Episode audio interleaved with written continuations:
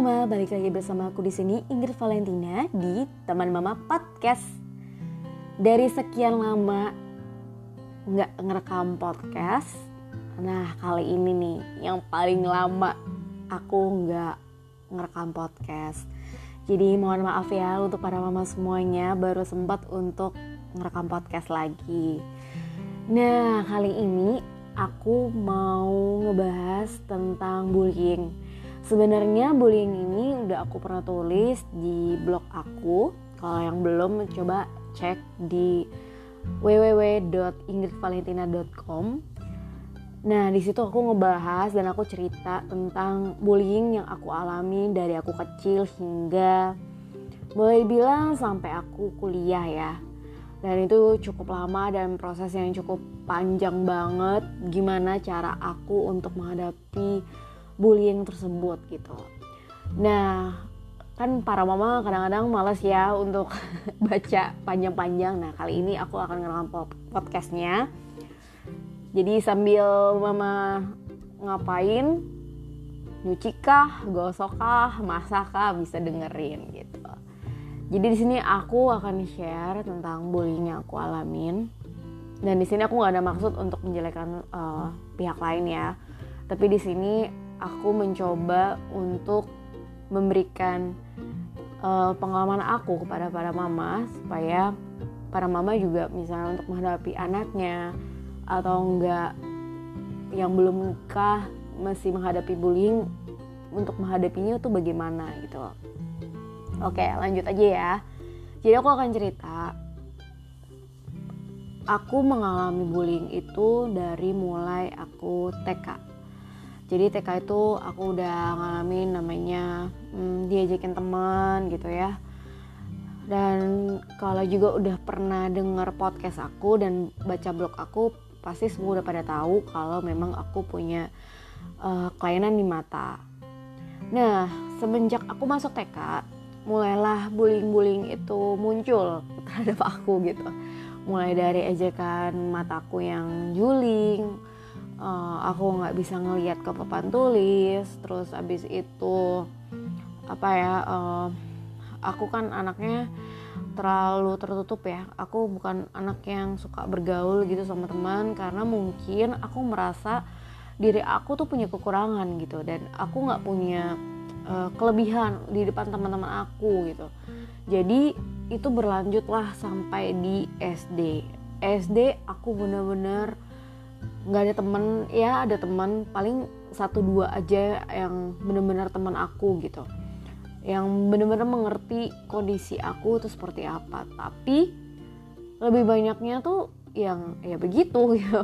Yang selalu aku diejek-ejek diolok-olok terus abis gitu hmm, nggak hmm, ditemenin dijauhin dan dan sebagainya gitu. Nah memasuki usia SMP nah itu udah mulai ngegeng ngegeng ya. Uh, dulu itu aku tuh nggak ada keinginan sama sekali untuk masuk yang namanya geng-geng. Karena menurut aku ya udah kalau kita temenan ya temenan aja gitu. Nggak ada yang namanya ngegeng ngegeng karena kalau menurut aku ngegeng ngegeng itu ada positif ada negatifnya. Tapi lebih banyak negatifnya sebenarnya. Nah aku ngegeng itu dari mulai kelas 1 SMP sebenarnya di geng itu tuh aku tuh bukan salah satu yang yang ayo deh uh, kita berteman ya gitu. Sebenarnya sih nggak juga gitu karena di geng itu juga ya gue juga coba jadi babu yang disuruh-suruh terus habis gitu yang masih dijelek-jelekin diolok-olok yang temenannya itu nggak pure temenan gitu. Dan itu berlanjut lah sampai kelas 2 SMP ya 2 SMP dan di situ aku juga mulai tahu kalau aku ada sakit gitu sakit di mata. Setelah itu ya di situ bener-bener aku baru tahu gitu bahwa dalam pertemanan itu pun nggak pure temenan. Ya ada yang melihat dari segi materi ada yang melihat uh, aku bisa diperalat diperalat dari kata ya disuruh-suruh itu terus habis gitu. Hmm, karena aku juga anaknya kan selalu menurut ya aku nggak pernah tuh namanya bilang enggak gitu kayak jarang banget gitu dulu. Ya itu juga salah sih. Jadi uh, karena aku takut untuk tertolak dan aku takut untuk nggak punya temen jadi ya ya begitu gitu. Sebenarnya itu salah banget kan. Dan aku nggak pernah cerita ini sama mama papaku sampai aku SMA berlanjutlah sampai SMA aku seperti itu gitu. Jadi aku tuh termasuk orang yang lama memendam hal ini gitu. Nah sampai kuliah sampai kuliah pun seperti itu. Dan ini sebenarnya um, lucu banget deh kenapa aku memilih jurusan ini gitu. Jadi waktu SMA terakhir-terakhir itu aku tuh bingung gitu. Aku mau masuk jurusan apa ya karena aku merasa diri aku tuh biasa-biasa aja. Secara akademis pun aku bukan uh, orang yang yang pinter banget. Karena dulu itu aku belajar bener-bener hmm, apa ya ya nggak disupport nggak nggak tahu disupport sama orang tua. Terus abis gitu um, aku tuh nggak nggak terlalu aktif juga di kelas dan waktu aku mau memutuskan untuk kuliah pun um, sebenarnya aku agak bingung gitu mau jurusan apa gitu. Tapi setelah aku pikir-pikir aku tuh harus berubah. Aku nggak boleh namanya lagi pendiam aku nggak boleh lagi tertutup aku nggak boleh lagi minder. Dan aku harus memaafkan teman-teman aku gitu yang yang pernah ngejahatin aku yang pernah ngeledekin aku aku tuh harus maafin gitu. Dan akhirnya setelah dengan panjang lebar aku memutuskan untuk masuk jurusan komunikasi. Kenapa komunikasi? Karena awalnya aku beranggapan ya kalau aku belajar komunikasi berarti aku bisa berkomunikasi dengan orang lain dengan baik gitu. Dan aku masih harus belajar untuk ngomong di depan orang. Jadi ya dengan segala kenekatan aku ngambil komunikasi. Dan di dalam komunikasi pun sebenarnya ya ada sih belajarnya belajar supaya bisa ngomong di depan. Dan sekarang sekarang ini pun ya aku udah mulai bisa lah ngomong ngomong di depan gitu kan. Dan uh, akhirnya di komunikasi ini pun ya aku agak tertindas sih. Tertindas dalam berkata ya ada juga yang yang masih ngebully gitu di semester 1 semester 2 tuh masih ada aja ngebully. Cuman ya aku karena sudah menganggap dan sudah kebal juga dari aku kecil sampai SMA juga udah uh, dalam proses ini gitu. Jadi aku di kuliah masih lebih santai gitu. Gimana aku bisa lebih santai? Yang pertama aku tuh berpikir bahwa hmm, nggak hmm, ada gunanya kalau misalnya aku ngelawan nggak ada gunanya juga aku untuk hmm, apa ya sama balas dendam gitu. Itu nggak ada gunanya sebenarnya tapi ada kalanya memang kita harus menunjukkan gitu siapa kita. Kita harus nunjukin apa kelebihan kita. Jadi dari SMA aku belajar untuk apa sih kelebihan aku? Apa sih yang bisa aku lakukan gitu untuk um, menutupi itu semuanya gitu. Jadi aku belajar untuk pertama rajin. Dulu tuh aku tuh aku tuh paling rajin untuk nyatet catatan. Walaupun walaupun aku nggak pernah namanya bisa nyatet dari papan tulis. Cuman aku punya keinginan gitu bahwa aku harus pinjam catatan teman dan aku pasti bisa nyelesain catatan aku. Jadi catatan aku tuh yang paling rapi dan paling lengkap gitu di antara teman-teman aku. Jadi ya itu kelebihan aku gitu. Jadi teman-teman aku kadang-kadang ya minjem catatan aku. Dan itu yang aku lakukan pada saat aku sekolah dulu. Nah waktu di kuliah aku pun seperti itu gitu. Cuman aku nggak mau ya sorry sorry aja ya gitu sorry sorry aja buat teman-teman yang dengerin ini. Bukannya aku sombong bukannya aku mau apa cuman aku nggak tahu lagi nih untuk um, menunjukkan bahwa aku tuh nggak yang seperti mereka pikirkan gitu. Akhirnya setelah di kuliah aku diejek-ejekin. Dulu kan zaman zamannya BlackBerry ya. Aku masih pakai handphone Nokia dan itu belum ada BBM belum ada apa gitu. Dia dulu tuh aku selalu diejek-ejekin sama teman-teman aku. Ya ampun Grit lo orang kaya lo orang punya duit lo ini masa sih punya handphone inilah bla bla bla bla bla. Dan itu itu benar-benar uh, bukan diri aku banget sebenarnya. Karena aku memang dari kecil walaupun aku mama papaku maksudnya masih mampu gitulah ya mampu bukan kaya kaya amat gitu tapi mampu lah beli handphone gitu. Cuman aku berpikiran aku dan aku pun diajarin sama mama papaku bahwa uh, kita tuh harus hidup dengan sederhana gitu.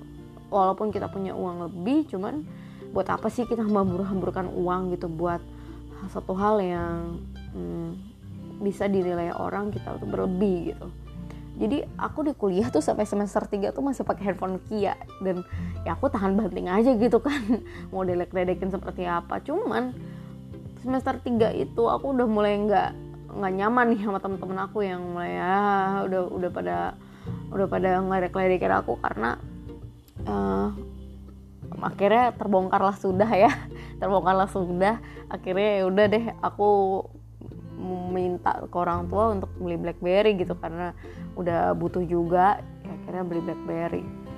Nah dari situlah ya mulai dianggap sama teman-teman terus habis gitu um, ya mulai ada temannya juga. Ya gimana ya ya mungkin aku dalam lingkungan yang harus seperti itu kali ya. Aku juga gak ngerti kalau kalau para mama gimana dulunya. Cuman aku tuh berpikiran kalau sekarang untuk anakku nanti gitu ya misalnya aku masukin anakku ke sekolah yang yang orkai semuanya yang orang kaya terus anakku yang biasa-biasa aja apakah anak aku bakalan digituin sama teman-temannya seperti yang apa aku alamin gitu kan? Cuma kadang-kadang ya kita harus menanamkan bahwa, karena kita bahwa apa yang kita punya ya kita harus syukurin gitu. Apa yang kita punya bukan berarti kita nggak mampu. Bukan kita yang biasa-biasa aja cuman uh, itulah ya satu satu hal positif yang aku dapetin dari keluarga aku bahwa hidup itu ya harus bersyukur aja. Apa yang kita punya apa yang kita milikin ya nggak usah harus banget orang semua tahu gitu. Biarlah orang tahu kita itu seperti apa ya nanti aja kalau orang itu mau tahu gitu ya mau, mau cari tahu. Cuman um, aku sampai berpikir aku sekalian elo tuh di mana ya? Supaya jangan sampai dia tuh tertekan batin seperti yang aku alami gitu. Dan pada saat aku berpikir kembali ya memang aku harus mengajarkan Elo dalam apa ya dalam kondisi bahwa dia tuh bersyukur dia masih bisa makan bisa ini bisa itu gitu. Jadi jangan ngeliat teman-temannya yang um, selalu mewah atau bagaimana ya mungkin itu PR aku juga ya sama papanya untuk mengajarkan dia seperti itu. Nah balik lagi kuliah aku mulai lah ya maksudnya udah mulai bisa untuk beradaptasi udah bisa menerima keadaan aku udah bisa menerima keadaan teman-teman aku yang masih ngebully juga masih pilih-pilih teman juga. Ya aku sadar sih maksudnya ya semua orang nggak bisa juga seperti aku gitu. Dan aku pun nggak bisa memaksakan teman-teman aku mau menerima aku gitu. Jadi pada saat aku kuliah aku benar-benar belajar hmm, bahwa apa yang apa kekurangan kita itu kita bisa ubah menjadi kelebihan kita. Dan apa yang menjadi um, rendah di mata orang itu kita bisa ubah juga lebih tinggi di mata orang gitu jadi aku belajar udah mulai belajar nggak bisa ngomong di depan orang aku mengikuti organisasi aku ngikutin radio di kampus menjadi announcer juga dulu. Dan akhirnya kembali lagi di sekarang di podcast kan. Jadi uh, aku pengen mengembangkan sisi lain yang beda. Oke aku punya kelemahan tapi aku pengen banget nih nunjukin ke teman-teman ke semuanya bahwa kita punya kekurangan itu bukan suatu kekurangan buat kita. Tapi kita harus mencari apa sih yang bisa kita gali dari kita supaya kita tuh nggak terlalu minder gitu sama orang lain.